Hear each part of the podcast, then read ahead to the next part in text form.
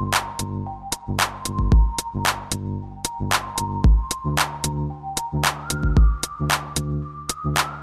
наверное, замерзли уже, нет? Я нет, а вы, вот, может, вы вас? А? Марте команда «Нанук», а именно звукооператор Катажина Битовт, фотограф Северина Винскути и я, журналист Инна Шилина, при поддержке местной общины ездили по Вильнюсскому району и беседовали с его жителями. И так незаметно для себя начали записывать негромкую устную историю нашего настоящего с отголосками недавнего прошлого, с уст порой невидимых людей, которые живут рядом с нами. А также это старт подкастов Найла на русском языке, которые патронируют сами слушатели. Если вам нравится то, что вы слышите, можете присоединиться по адресу patreon.com нанук мультимедиа. Литовскую историю изучаете? Да. Себя в ней видите? Нет, себя точно не вижу. А почему? А как? Мне как бы история не нравится. Потому что в ней не видите себя? Да. А как бы вы хотели себя там видеть? Чтобы что-то было бы не в прошлом, а в будущем. Что из уроков вы узнали о своем крае? Может, география, что у нас есть Европа Центрос. В Литве, вот только в Литве есть Европа Центрос. Ну, только, может, это. Все. Выдающихся людей из вашего края? Нет. Наших людей? Литовских? Ну, из вашего края они, наверное, не обязательно литовцы. А. Они могут быть и поляками, и евреями, и русскими, и литовцами. Нет. Мы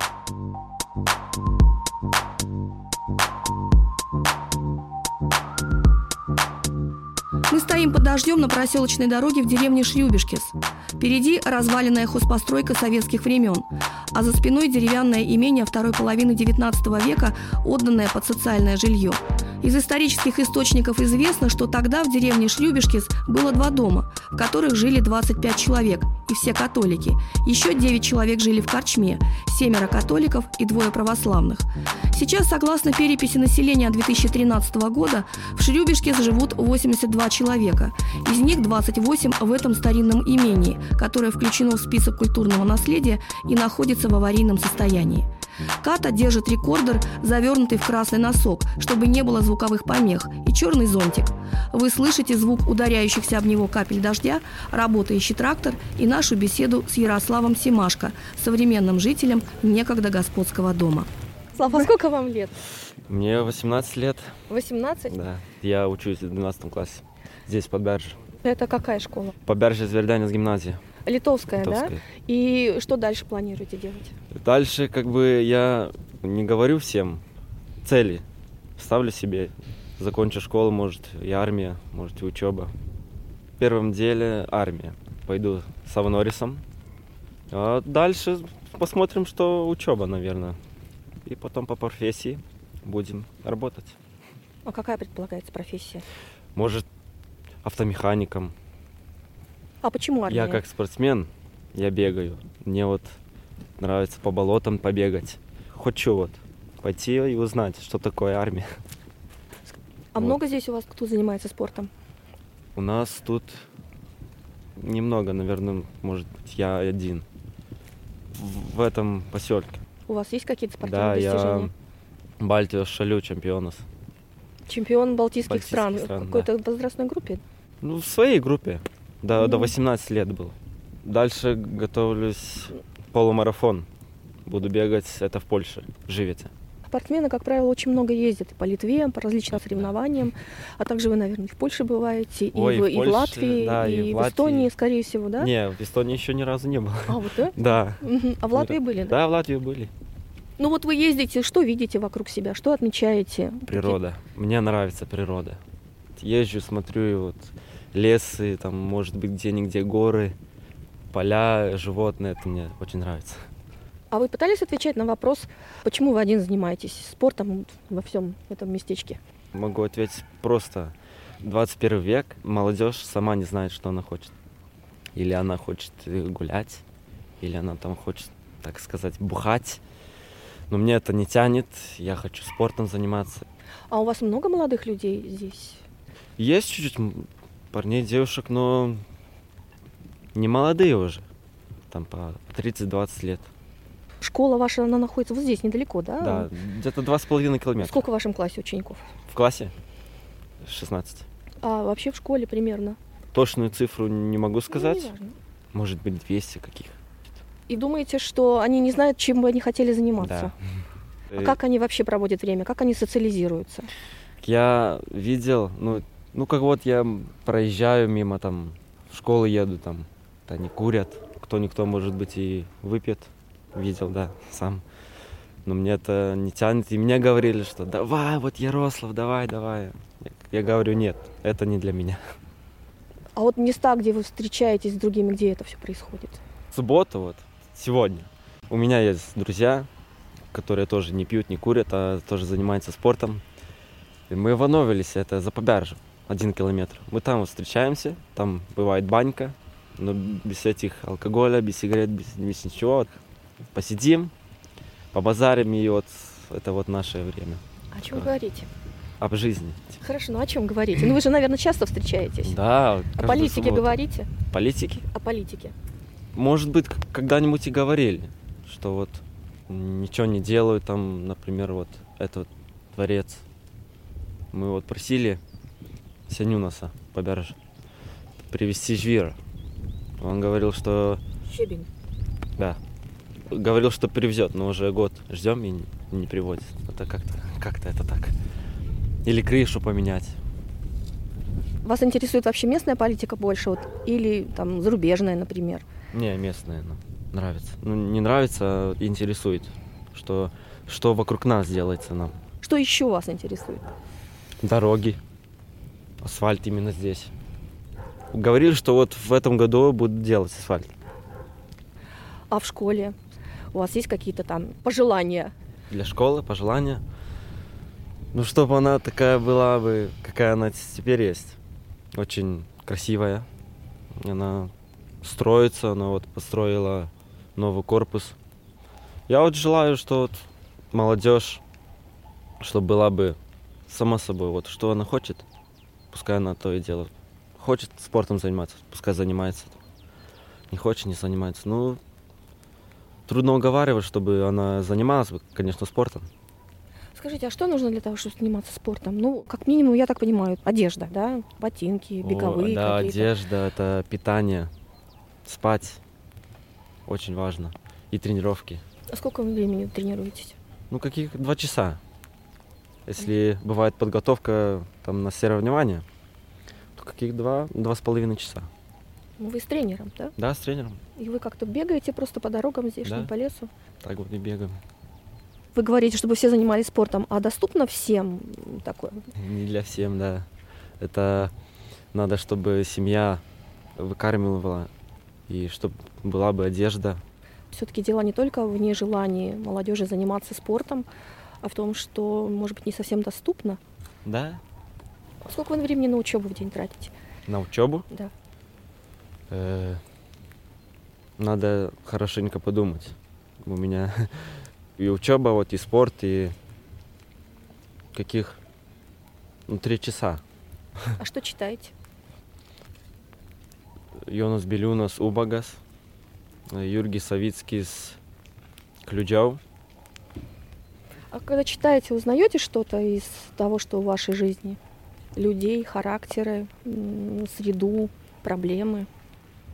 Может, чуть-чуть и узнаю, но то, что было раньше, я думаю, что, может, было и кому-нибудь хорошо. Я вот, бывает, читаю и, ну, так со- сознаю, что очень строгое воспитание было лучше для детей. Мне вот нравится строгое Вы один воспитание. в семье? Нет, у меня есть старшая сестра. А ваши родители чем занимаются? Мама сейчас работает, она вот на базаре мясо продает. А мясо откуда она берет? Есть у нее командирка, там ее, ее мясо, но она только торгует И сколько времени она работает? целый день, 8 часов больше? наверное, больше. 12. От 8 до 8. Заработком она довольна? Она довольна, мы довольны, да. А ваш папа? Работаю в Акрополисе. Он на, на, эти, на мойной машинке ездит. коридорам ездит. Он каждый день работает? Три на три. Он в ночную смену работает. Ночью работает, днем спит. Что рассказывает? Ну что вот люди вот тоже о молодежи, что бывает только сидит на пуфике, ничего не делает и в телефоне там смотрит что-нибудь и, и все.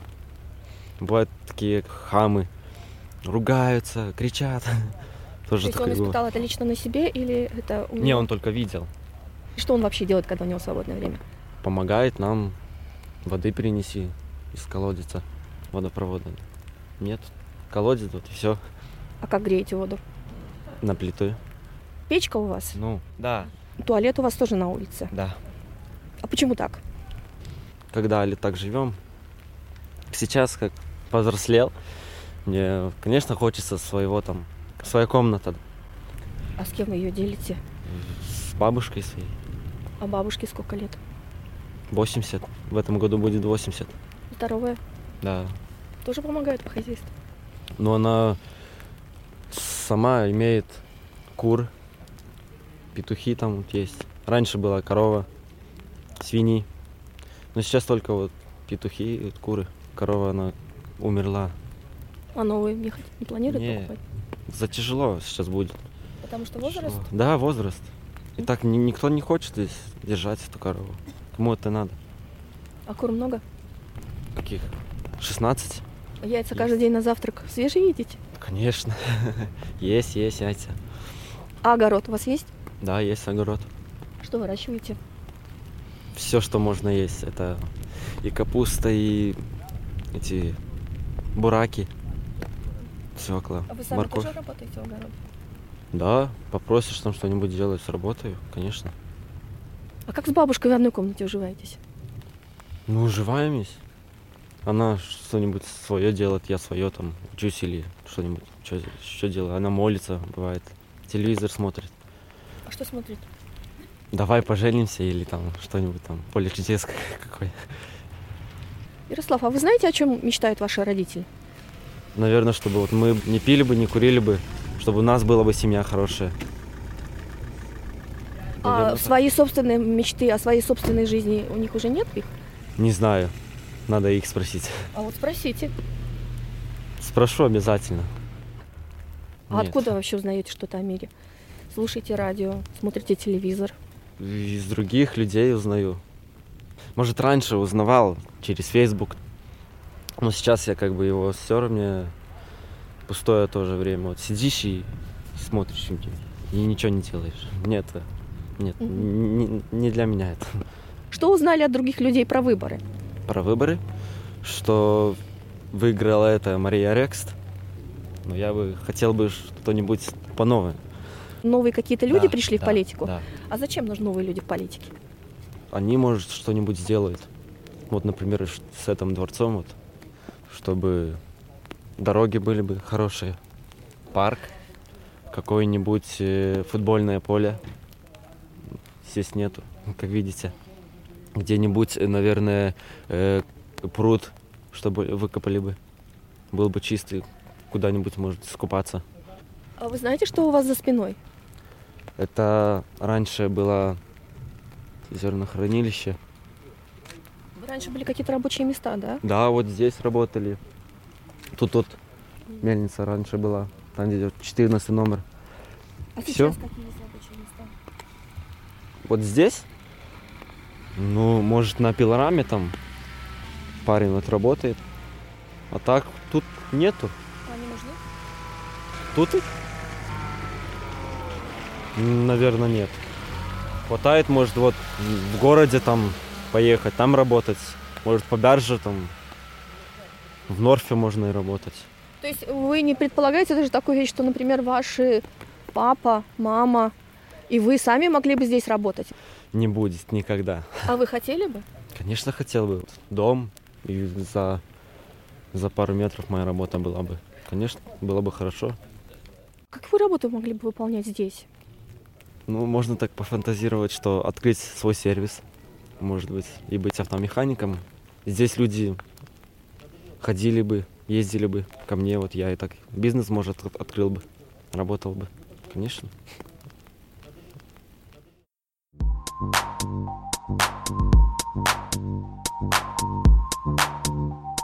Поодаль стояли другие обитатели дома, соседи и любопытствующие. Время от времени до нас доносились их голоса, и один из них даже ворвался в нашу беседу. Колоя высыхает, пруд почистить никак допроситься не можем. За свои деньги хотели почистить. И не почистили. Откуда? Если кто-то пригласит, поедем, помоемся. Если воду дают экспертизу сделать с колодца, сами чистили, покрышки тракторные валялись, и металл и все прочее. Там отравишься сразу. Все к власти рвутся, как поросята к корыту, знаете. А помощи никакой ни от кого. Как вы себе можете сами помочь? За свой счет. А Сами таких людей выбирать во власть? А что толку с них выбирать? Я вот был в в комиссии, ездил. Некоторые нас даже из дома выгоняли. Множество. Мы голосовать не будем. Люди привыкли уже, разговоры такие идут. Зачем молодого выбирать? Старый, говорит, уже наворовался, ему хватает. Пускай остается, уже, говорит, больше столько не будет. А молодой, говорит, опять себе потянет. Вот такие разговоры. Как вас зовут? Ян, сам ты отец.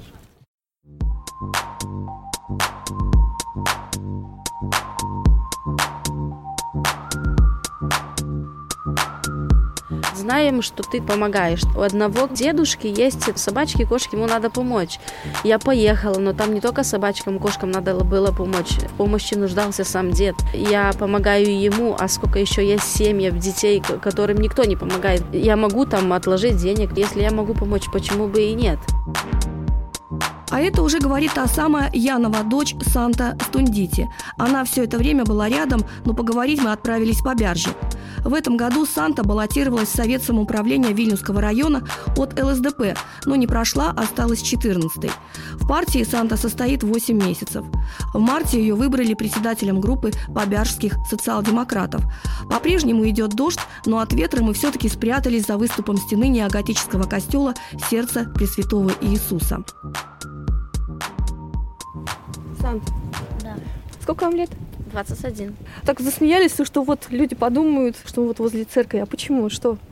Какие мысли Ну, возникли? Вот пришла показаться, что она в костел ходит.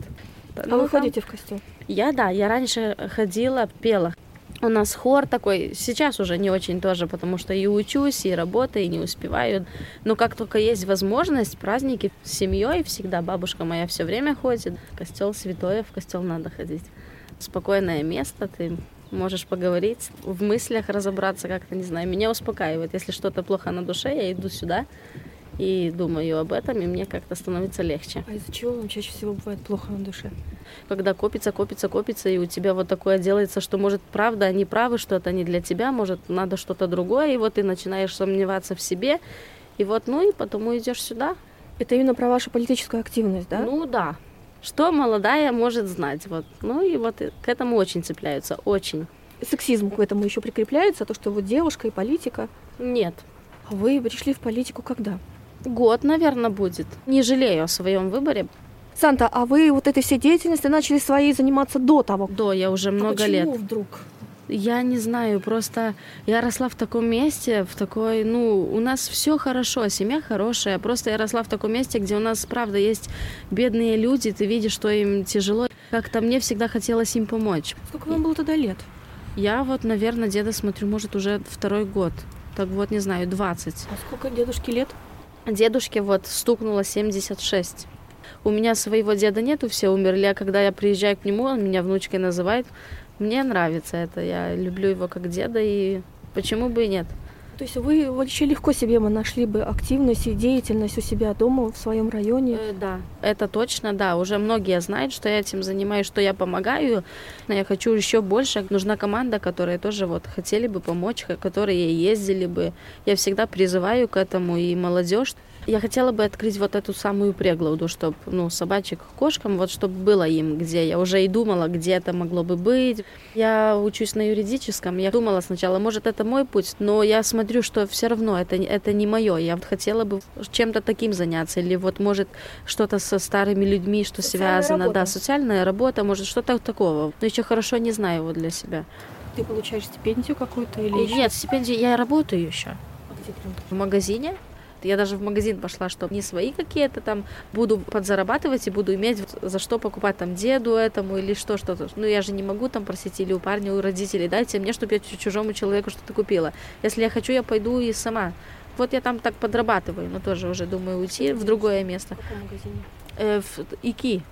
Ну там просто там мы ходим или грузим, или там какие-то заказы делаем. Я учусь, бывает с 6 утра до 6 утра я работаю, с 16 Магнис. А учусь я вот бывает с 9 до 2, и потом еду до 10 на работу. Ищу другую работу уже. А в чем нуждается конкретно молодежь? Я имею в виду даже не какие-то материальные вещи, а какая-то социальная политика, какие-то действия, что-то организовать для них необходимо. У нас на районе, правда, этого очень не хватает. Вот что у нас сейчас хорошо, вот могу, правда, низкий поклон нашему вот Мареку Гладкому, он вот у нас Ксен здесь он начал турниры всякие делать, на волейбол, он начал собирать молодежь. И правда, я никогда не думала, что может столько молодежи собраться. Очень классно.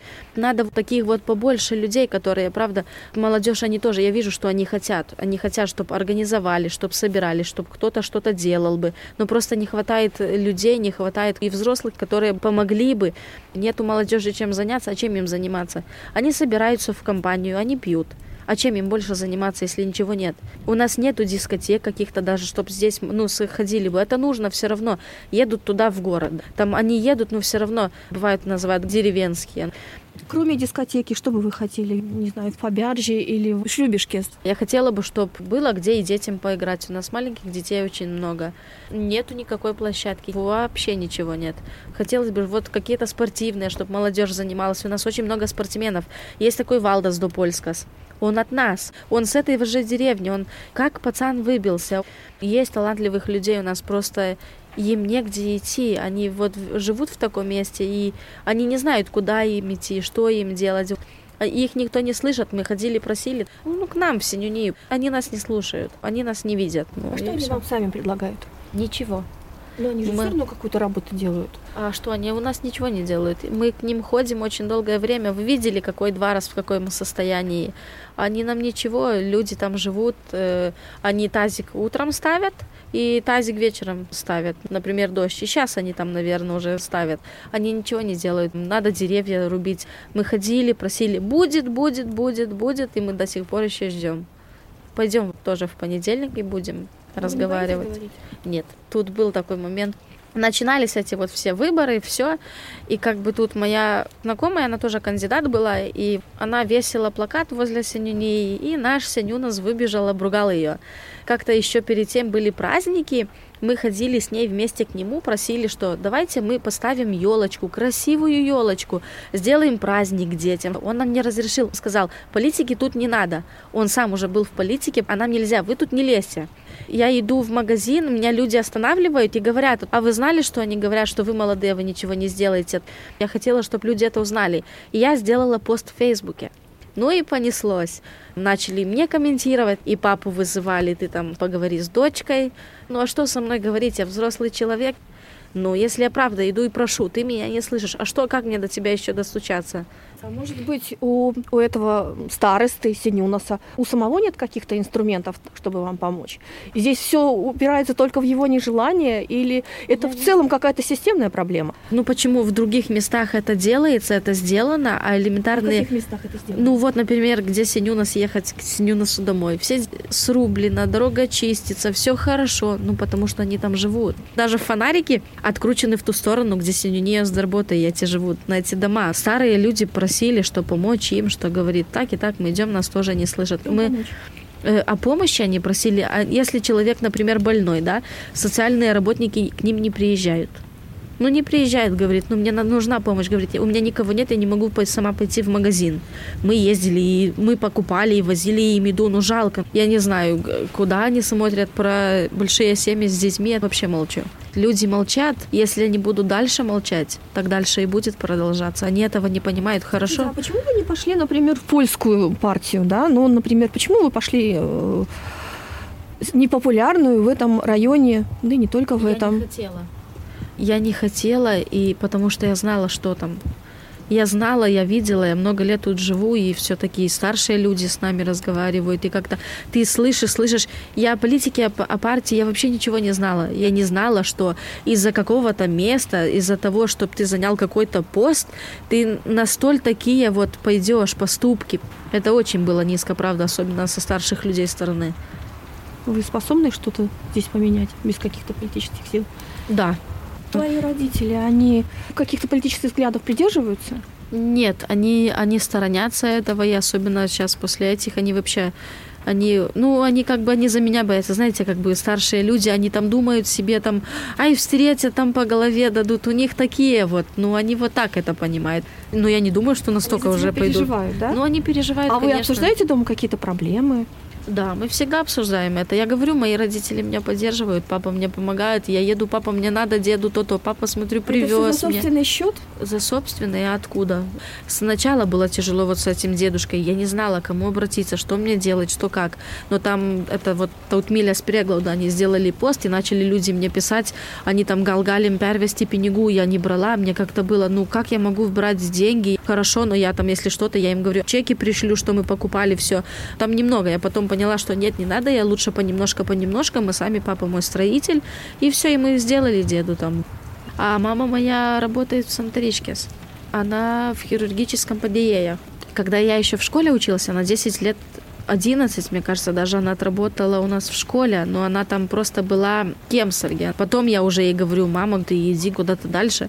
Она пошла тоже в Санторичке с простым работником что-то чистить. И там ей сказали, курсы можно кончить. Ну и она пошла, плакала и боялась, что это не для меня, это как я так, я уже сколько мне лет, как я это кончу. Маме моей сейчас 50. А тогда? Тогда было 48. Ну, два года вот назад. Она сильно Да. изменилась. Изменилась, да. Я рада, что она тоже вышла с прежней работы. А она получила какое-то раньше образование? Ой, раньше еще, когда в те времена были, да, она там что-то закончивший секретарят. Когда в 90-е годы училась? Да, еще, да-да-да. А потом она работала просто дворником, Дворник, школьником. еще что-то, да-да-да-да-да, вот такие вот а как вы работы думаете, были. почему так? Ну вот, я всегда у мамы спрашивала, а почему мама так? Если тебя никто не стимулирует, не говорит тебе, иди куда-то дальше, иди учись, ищи лучшую работу. Работала, она думала, что я учусь, вот она всегда при мне, она меня видит, вот ей это может нравилось. Я даже не знаю почему. Она сама мне на это ответить не может.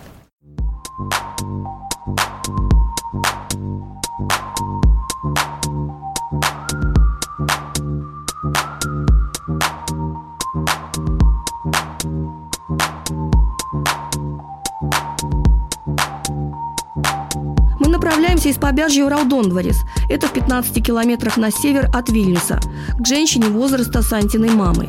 Ее зовут Елена Варковская, но в округе ее все привыкли называть Галина. Она погорелица, муж погиб при пожаре. Так, в 1991 году она осталась одна с тремя маленькими детьми – двух, трех и пяти лет. По словам ее соседки Эльнары Мажулени, которая везет нас к ней и заодно проводит экскурсию по Раудондворису, Галину в деревне любит как бабушку своих детей. На Рождество она даже переодевается для них в Деда Мороза. Мы разговариваем в машине, а потом заходим в дом. Раньше, вот где я тут живу, здесь раньше были военные дома.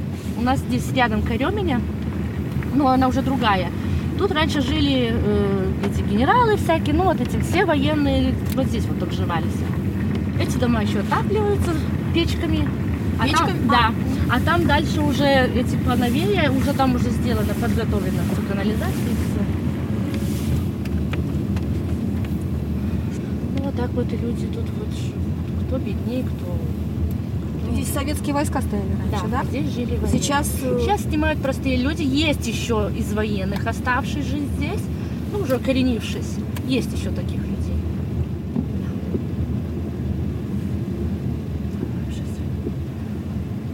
Ну, тут. Там даже уже все уже не доедем, там на озеро будет. Здесь эта женщина живет, которой я звонила по-польски, говорила, ну, я не знаю, она стесняется очень. Может, позвонить ей?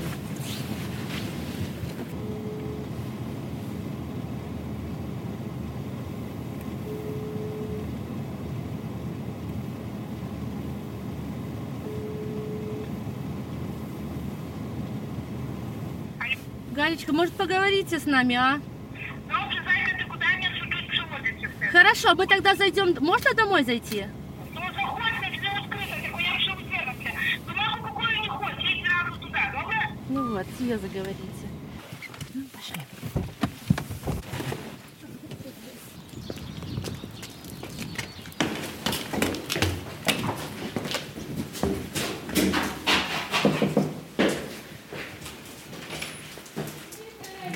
Мы заходим, Галя, можно? Заходим,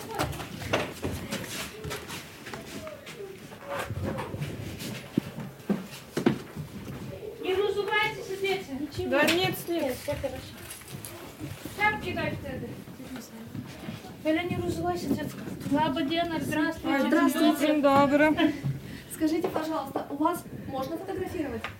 У меня не, нежелательно. Не. Не-не-не, дети, не. Старая баба не. Треба, д- Кита карта предупреждайте, что вы приедете. Я накрашусь, маникюр наведу тут, порядок сделаю. Пожалуйста, проходите, садитесь. Скажите, пожалуйста, чем вы занимаетесь? Вот сейчас. В жизни. Сейчас вы сидите на диване. Да, сейчас я сижу на диване, не работаю, безработная, на инвалидстве. А так, в принципе, всю жизнь работала. А где работали? Когда умер муж, это там в 91 году, на почте пять лет работала почтальоном. На гребиносе работала, грибы собирала. Вообще-то всю жизнь работала, не было так, что без работы сидела. В киоске работала, в одном, во втором киоске работала. Сейчас вот со здоровьем чуть-чуть не так. Так не работаю дома. А со здоровьем у нас недавно начались проблемы? да? Не, уже лет пять, больше назад. Суставы надо менять, вес бросить. Ну, сама виновата, никто не виноват. Чуть-чуть веса бросить и поменяют суставы. Ну, что делать? Как можно бросить вес? Легче сказать, чем сделать. Сейчас как ноги больные, плохо ходить, и движения нету такого. Скажите, а вы как-то вот, вот сейчас вот ноги болят, дома сидите, а вы как-то вообще... м, Чем-то занимаюсь. Дети, внуки. Вообще-то я вяжу. Сейчас вот вяжу, сижу. А что вяжете? Носки. Вы продаете их? Ну, кто покупает, да. Так обычно семье в подарок. То внукам, то детям, то друзьям. Недавно выборы были. Мгм. Участвовали? Ну, конечно. Из конечно. дома или ходили? Да, домой нет. А как вообще все происходило, расскажите. Даже не знаю, пришли, заголосовали. Пошли. Не агитировали ни на кого. За кого захотела, за того заголосовала. Захотели по каким причинам? Я? Да. Даже не спрашиваю, за кого, а вот по каким причинам захотели. Не, ну как-то хотелось чего-то поменять. А что поменять? Ну, будет новый человек, будет как-то по-другому уже. Сейчас оставили того же самого. Ну, С какими проблемами вообще сталкиваетесь в жизни? в данный момент, в данный момент много. Пойти, поехать куда-то отсюда, автобусы очень редко ходят, если ходят. Мне с ногами проблема дойти до автобуса, потом куда-то еще в поликлинику, Поликлиника она где находится? по Шилайчик. Это две пересадки отсюда. То есть вы должны на рейсовом автобусе Да. доехать до Вильнюса. Да. А до Санторишек, До тут от Санторишек уже другой автобус там. Ну там еще пройти кусочек надо. А здесь это до центральной дороги дойти, это очень далеко. Остановок сколько сейчас? Там Амрудон Вересе. Одна остановка без 10-9 автобус приходит. Все. Одна единственная, да? Единственное здесь вот. Все. А так на центральной дороге. В поликлинику приходится просить, чтобы завезли, привезли. Мгм. Дети помогают? Дети, о, Эля. Это лично мое такое, ну, беда моя. Люди же ездят, ходят. А как-то, например, у вас вообще есть куда пойти здесь, э, в городе? Есть ли библиотека у вас? Не, не, клуб? Какие-то занятия? Нет, у нас тут на деревне точно нет. А сами как-то организовываться вы не не пытались? С другими людьми? Нет, как-то я никуда пока еще не обращалась. Еще все думаю, хотела. Есть такая мысль, что есть люди, которые там в Неменчине какой-то клуб слышала, есть, что он Клуб занимается. с чем? Спортом? или- Нет, спо- вязание, там макраме всякие, там, ну что я могу лично делать. А сами здесь организовать ничего не хотели бы? Было бы какое-нибудь помещение, чтобы им собраться. Как бы вообще нет места, да? Нету, нету здесь. ну, Реша Синюне и та снимает себе он. Не имеет своего места. Ни клуба нет. Сейчас как, как бы деревни предоставлены сами себе. Вот живете вы, ну и живите себе спокойно. Никто не интересуется ими. Я здесь живу 30 лет. До этого где вы жили? Я вообще-то с Дукшт, Дукштанский район. На Вевис там ехать. Я сама оттуда родом. Потом вышла замуж в Пекелишке тут. Жила шесть лет с мужем прожили. Муж умер, дом сгорел, и муж умер. Нам дали эту квартиру как погорельцам. Мы ее выкупили, ну вот Когда с тех пор тут и живем. А школу вы заканчивали? Я в Дукштах заканчивала. Это русская или литовская? Нет, это польская. А потом в Жемесуке была Букишки. Там уже специальность была овощевод, садовод. Потом замуж, потом дети. Как обычно бывает. Если, например, вернуться назад, была бы такая возможность, что бы вы поменяли? И Что бы вы сделали как-то иначе, Ну, не так? знаю, может, еще больше ошибок наделала бы, чем, чем было. Если так, то, наверное, училась бы больше. С училища оставляли учиться и наговаривали учителя, что идите учиться, идите. Потому что я, ну, пока букишки кончала по специальности, хорошо училась. Никогда не работали по этой специальности? Работала, пока училась. Это связано с, э, замужеством? Да, да, да. Это когда вышла замуж, сюда уже в Пекелишке, уже пошла работать на цех. Как вы думаете, в какой момент ваше здоровье пошатнулось? В какой момент? Как тут вам сказать? Сначала идешь, идешь, идешь, вот все время дети. Дети, дети, дети, за собой не смотришь, а потом уже вот так вот случается. Дети вырастают, и мы остаемся. У меня такое ощущение, что вы еще очень молоды, что вы еще очень молодая 50. женщина, что вы даже еще учиться можете. Могу. Мне бы доехать, приехать, я бы еще и работала бы. Если бы вот, например, вы хотя бы отсюда, вот 6-10 последний, если вот, например, и молодежь какая из города едет, ну, машин нету, так все, 6-10 последний. Ну, хорошо, наша молодежь, они там все выучились, там все за рулем, все, то там попросишь, что приедут, то, то заберут, то завезут, а так. Автобус шел бы, ну вот сюда, вот я бы без десяти выехала здесь, ну и сама и с палочкой дошла бы, тут недалеко, да? И если бы автобус этот возвращался бы сюда, но уже туда, все, а оттуда сюда же дойти, дойти уже никак. Ну как, ну, ползком. Хм. А пенсия сейчас у меня 117, так, Это по инвалидности, да? да? Какую-то еще помощь получаете от государства? Нет, а какую? 13 евро доплачивать сегодня не, все, больше Это ничего. в качестве чего? А это, то не хватает там до прожиточного минимума. Там этих 109 мои инвалидские, и там 13 синюни. Ну, не синюни, это только через синюни. Ну, а так. А вы говорите на русском очень красиво, на польском и на литовском? На литовском, ой, не лабе, не лабе. Нет, да? Не, ну говорю, конечно, говорю.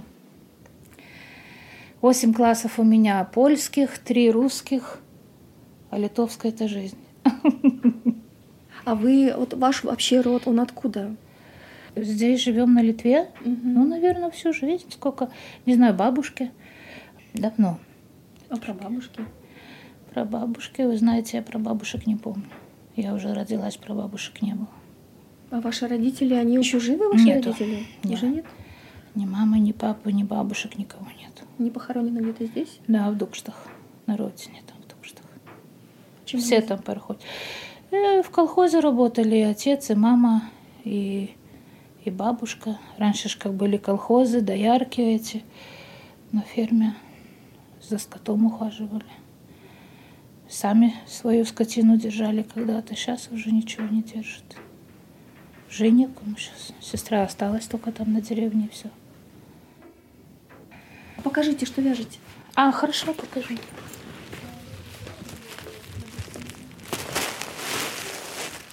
А куда-нибудь ездили отдыхать сами? Шутите.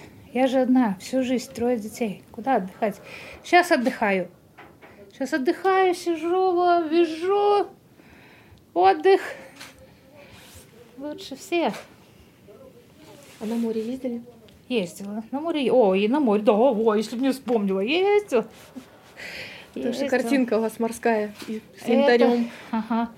Это хлопцы, когда ездили, еще маленькие были, в школе учились. Привезли мне подарок.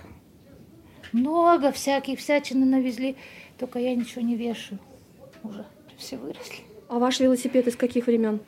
На- Ой, недавно, не-не-не, лет 10. Еще старинный есть. Только что сейчас у сына, он такой еще давнее. Ой, я еще сын, наверное, в седьмой класс ходил. Такой еще тоже отремонтированный еще. Вы на нем ездили Да, или сын? и сын, и потом я, пока вот этот они мне не приобрели. Этот лучше, тут ногу не надо поднимать кверху, это как дамка считается. А там такой с рамой, там ногу перекидывать. Уже бабуле ноги кидать, уже все опасно. А корзины нету? Сумку завесишь и едешь. Мне так легче. Ездите по магазину? Ну По да, в магазинам? киоск. В киоск? Только. Куда ж в Реше уже не, не, не вытяну в Реше. А в киоске вы продукты покупаете? Ну да, да, да. Это основная такая точка продуктовая, да? Не, ну дети привозят мне, Эля в город завезет. Это не проблема, мне в магазин-то. Я позвоню, и что надо привезет. Соседи соседям помогают. Ну да, пока еще есть возможность такая. Не озлобились друг на друга. Вы что думаете, возможно озлобиться? Конечно, боже. А как вы думаете? Ну вот не помог друг другу. Вот обиделся, вот я на нее обиделась, и все, не буду с ней разговаривать. А так споров каких-то политических у вас не бывает ни с кем? Не-не-не. На национальной почве кому-нибудь важно, кто ты? Русский, поляк, литовец, еврей? Есть у нас тут один такой умный. Русский. Умный русский. А ему не, уст- А его не устраивают, устраивает. литовцы или поляки? Нет, и литовцы, и поляки его не устраивают. Он всё в Ро- э, всю жизнь в Россию стремится вернуться. Но как-то живет.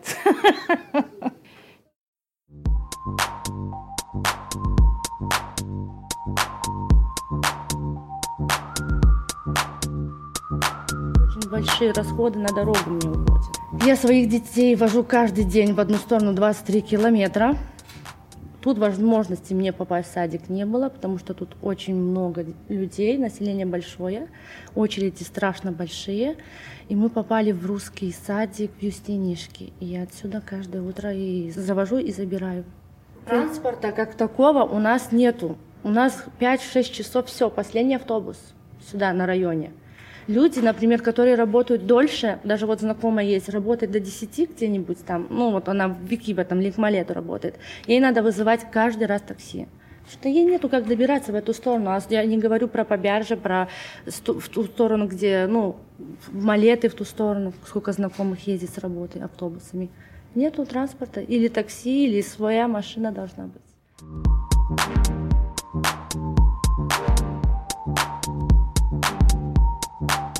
Тему транспорта продолжает сама Эльнара, мама двоих детей. Ее папа был призван служить в армию из Азербайджана в Литву. Здесь он женился на литовке и остался. Эльнара собиралась нас пригласить к себе домой, но в последний момент передумала и в условиях стерильного кафе-ресторана «Гаш Гаш», по сути центра социальной жизни в Раудондворисе, не сумела, по ее словам, рассказать о том, что действительно болит, но вам так может не показаться. Где вы конкретно живете? Здесь в Рудондорисе. В этой деревушке, да? Да. Рядом живут мои родители, а я снимаю э, квартиру в этой стороне уже, в самом Раудондворе, слепой аллее. Я эту квартиру недавно сняла. Э, почему? Потому что мы сами строим у мужа родителей, там дальше, в Пекелишках. И там еще жить и с детьми невозможно, потому что надо канализация, там все подключить. Мы взявши кредит в банке, и мы по чуть-чуть закупили, сделали, пока не дадим, потом берем следующий и дальше, чтобы строиться. Там добираться тяжело, вот сейчас особенно весна, три километра до дома доехать, очень страшная дорога. Я даже помню, как была беременна, мне пешком надо было дойти до асфальта, чтобы меня скорая забрала, потому что там невозможно заехать, там настолько дорога через лес. Проезды очень страшные, на деревнях это не описать, это просто надо увидеть. Я сняла квартиру, плачу небольшую тут сумму, А Сколько примерно? 35 евро. Там надо и топить, там нужен ремонт. Там ванны вообще никогда не было в жизни. Я уже сама что находила, что купила, все, все своими силами по чуть-чуть вкладываю. Поэтому я меньше плачу, я договорилась, что я ремонтом. В самой квартире только дедушка, моя семья и мои дети. Потому что у моей мамы там очень мало места. Бабушка умерла, мы его взяли к себе. А вашему дедушке сколько лет? 92 где-то так. Бабушке 95 было. А дедушка, он от государства получает какую-то помощь? Он пенсию берет. Конечно, небольшую, но получает пенсию. Мама сейчас делает на, на себя за присмотром, как и бабушку была. Моя бабушка не видела, не слышала. Мама поэтому нигде не могла устроиться. Поэтому она и начала заниматься огородами, чтобы быть рядом. Ваша мама в молодости, она училась где-то? А, моя мама, она закончившая 12 классов, но она без учебы, она работала на лелии, она была, как сейчас модно говорить, водибельники. Она имела свою бригаду, и она там была главная мастером. Сколько-то лет она там отработала. Там были две смены, даже ночами.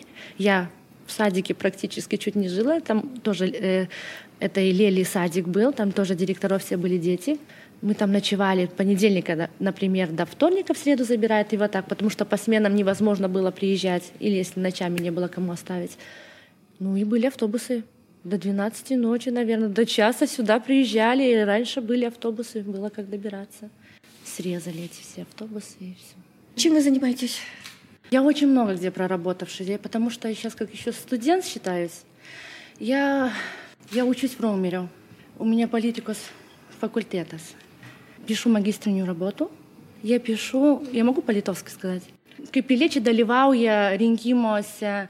У меня дочка еще маленькая. И было у меня академическое, и я вот по чуть-чуть подрабатывала вот так. И вот я устроилась в садик, я там работала помощник воспитателю.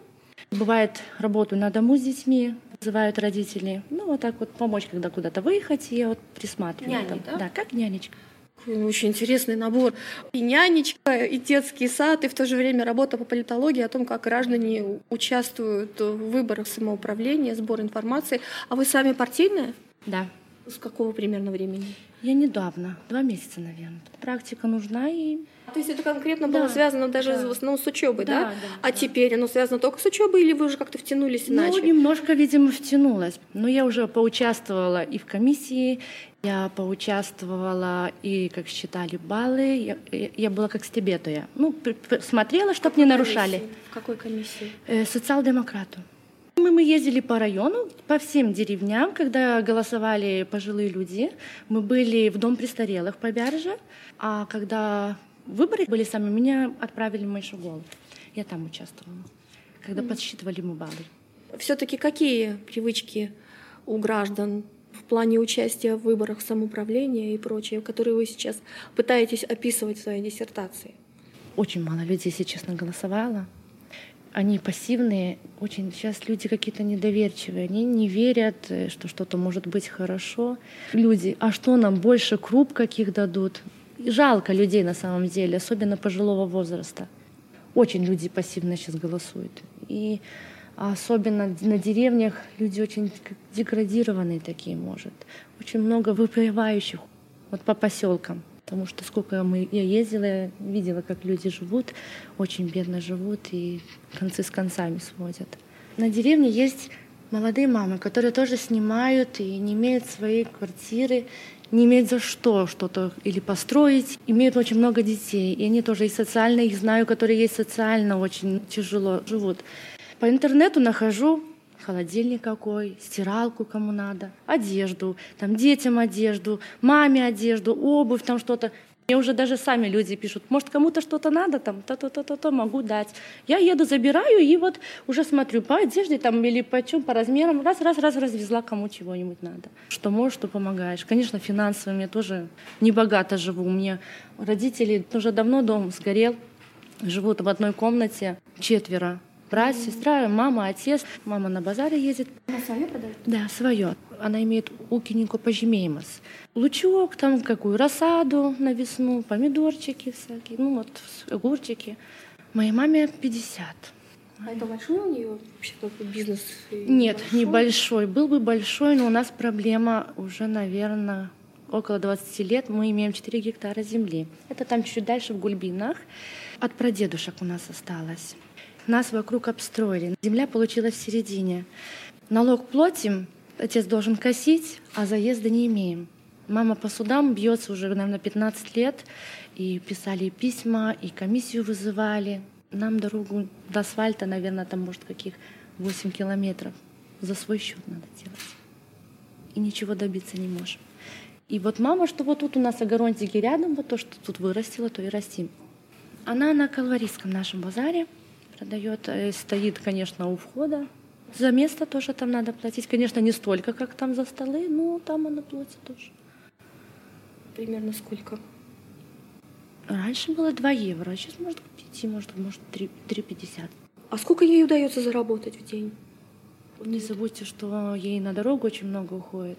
Утром ее везет отец, потому что с товаром, а назад она уже добирается на автобусе. Например, если она закончит в час, автобус только в три часа. Ей надо где-то ждать, чтобы приехать сюда домой. Сколько получается заработать в день? Ну, как когда, когда летом, ну, бывает к 60 евро. А зимой так 30, 35, 40, вот так. У нее и куры есть, она яички свои везет, продает. Едет пятница, суббота. Ну, бывает, в среду надо. Вы совершенно свободно говорите по-литовски, да? Даже ваш профессиональный. Нет. У меня профессиональный русский. Я и говорю по-польски тоже. Я в Голландии работала, я там на польском научилась, мне пришлось. В Голландии что вы делали? А я там, у меня муж уехавший был, я как-то, мы еще детей не имели, и я решилась тоже устроиться. Нас в неделю могли бросить на четыре фирмы разные, ну, в смысле, на заводы. Утром, например, на одном заводе, под вечер там на другой завод. Ну, вот мы такие были как рабочие. Бывало с мясом работали, там упаковки, работали на одной кухне, где изготавливали, ну, и паковали мы еду на вывоз для школ, для больниц, для для э, тюремных бутерброды всякие, даже магазины там это все на этой кухне. Нам не говорилось для кого. Мы знали, что именно какие-то куда-то мы изготавливаем, но для кого нет, потому что там были и креветки королевские, и бывали простые котлетки, там с кашкой или там какой-то салатиком. Очень отличалось. Там даже мне как удивило, я никогда не... Хоть мое имя тоже с Востоком связано, но я никогда не знала про мусульман. Отдельно были коробки, и отдельно для мусульман готовили. Потому что там нельзя было, например, мясо даже помешать. Отцу приехала, говорю, это так бывает. Отец рассказал немножко историю, что так должно быть. Отец мой сам православный. Здесь он приехал служить, и он познакомился с моей мамой, и он остался здесь жить. Дома все русскоговорящие. Нету русской Вообще школы. А. У меня дети в русскую. У меня проблема. Здесь есть литовская и польская. Но тут тоже очень мало места. Мне казалось, что здесь русских довольно много или нет? Очень много людей русских. Но они много кто пустил в польскую польскую или литовскую. А почему никто не, не просил русскую группу в детском саду? Тут раньше была школа русская. Я ее же и закончила, только была до 10 класса. Уменьшилась, уменьшилась, люди начали в город отпускать в русскую, потому что очень мало в классе было людей, и кто подпускал в литовскую, ну, чтобы легче было бы дальше учиться. И она закрылась, русская, осталась польская школа здесь. А как вы дальше собираетесь решать эту проблему? Если вашему ребенку 5, да, старшему, через два года ему в школу, даже через год, простите, и куда? В русскую планирую на ТТС пускать. То есть вы не согласны отдавать польскую или литовскую? Почему? Ну, мы с мужем решили, что будет в русской. Не знаю, нам так приемлемо. Я сама так хочу. Я закончила русскую, я проблем не имела в литовскую. Я и закончила коллегию, я закончила университет. Осталось написать и защитить магистра работу свою. Я думаю, сможет и он.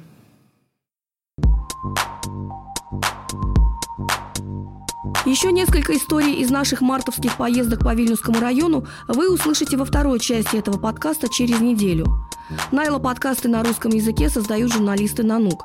Патронировать создание новых можно по адресу patreon.com «Нанук Мультимедиа».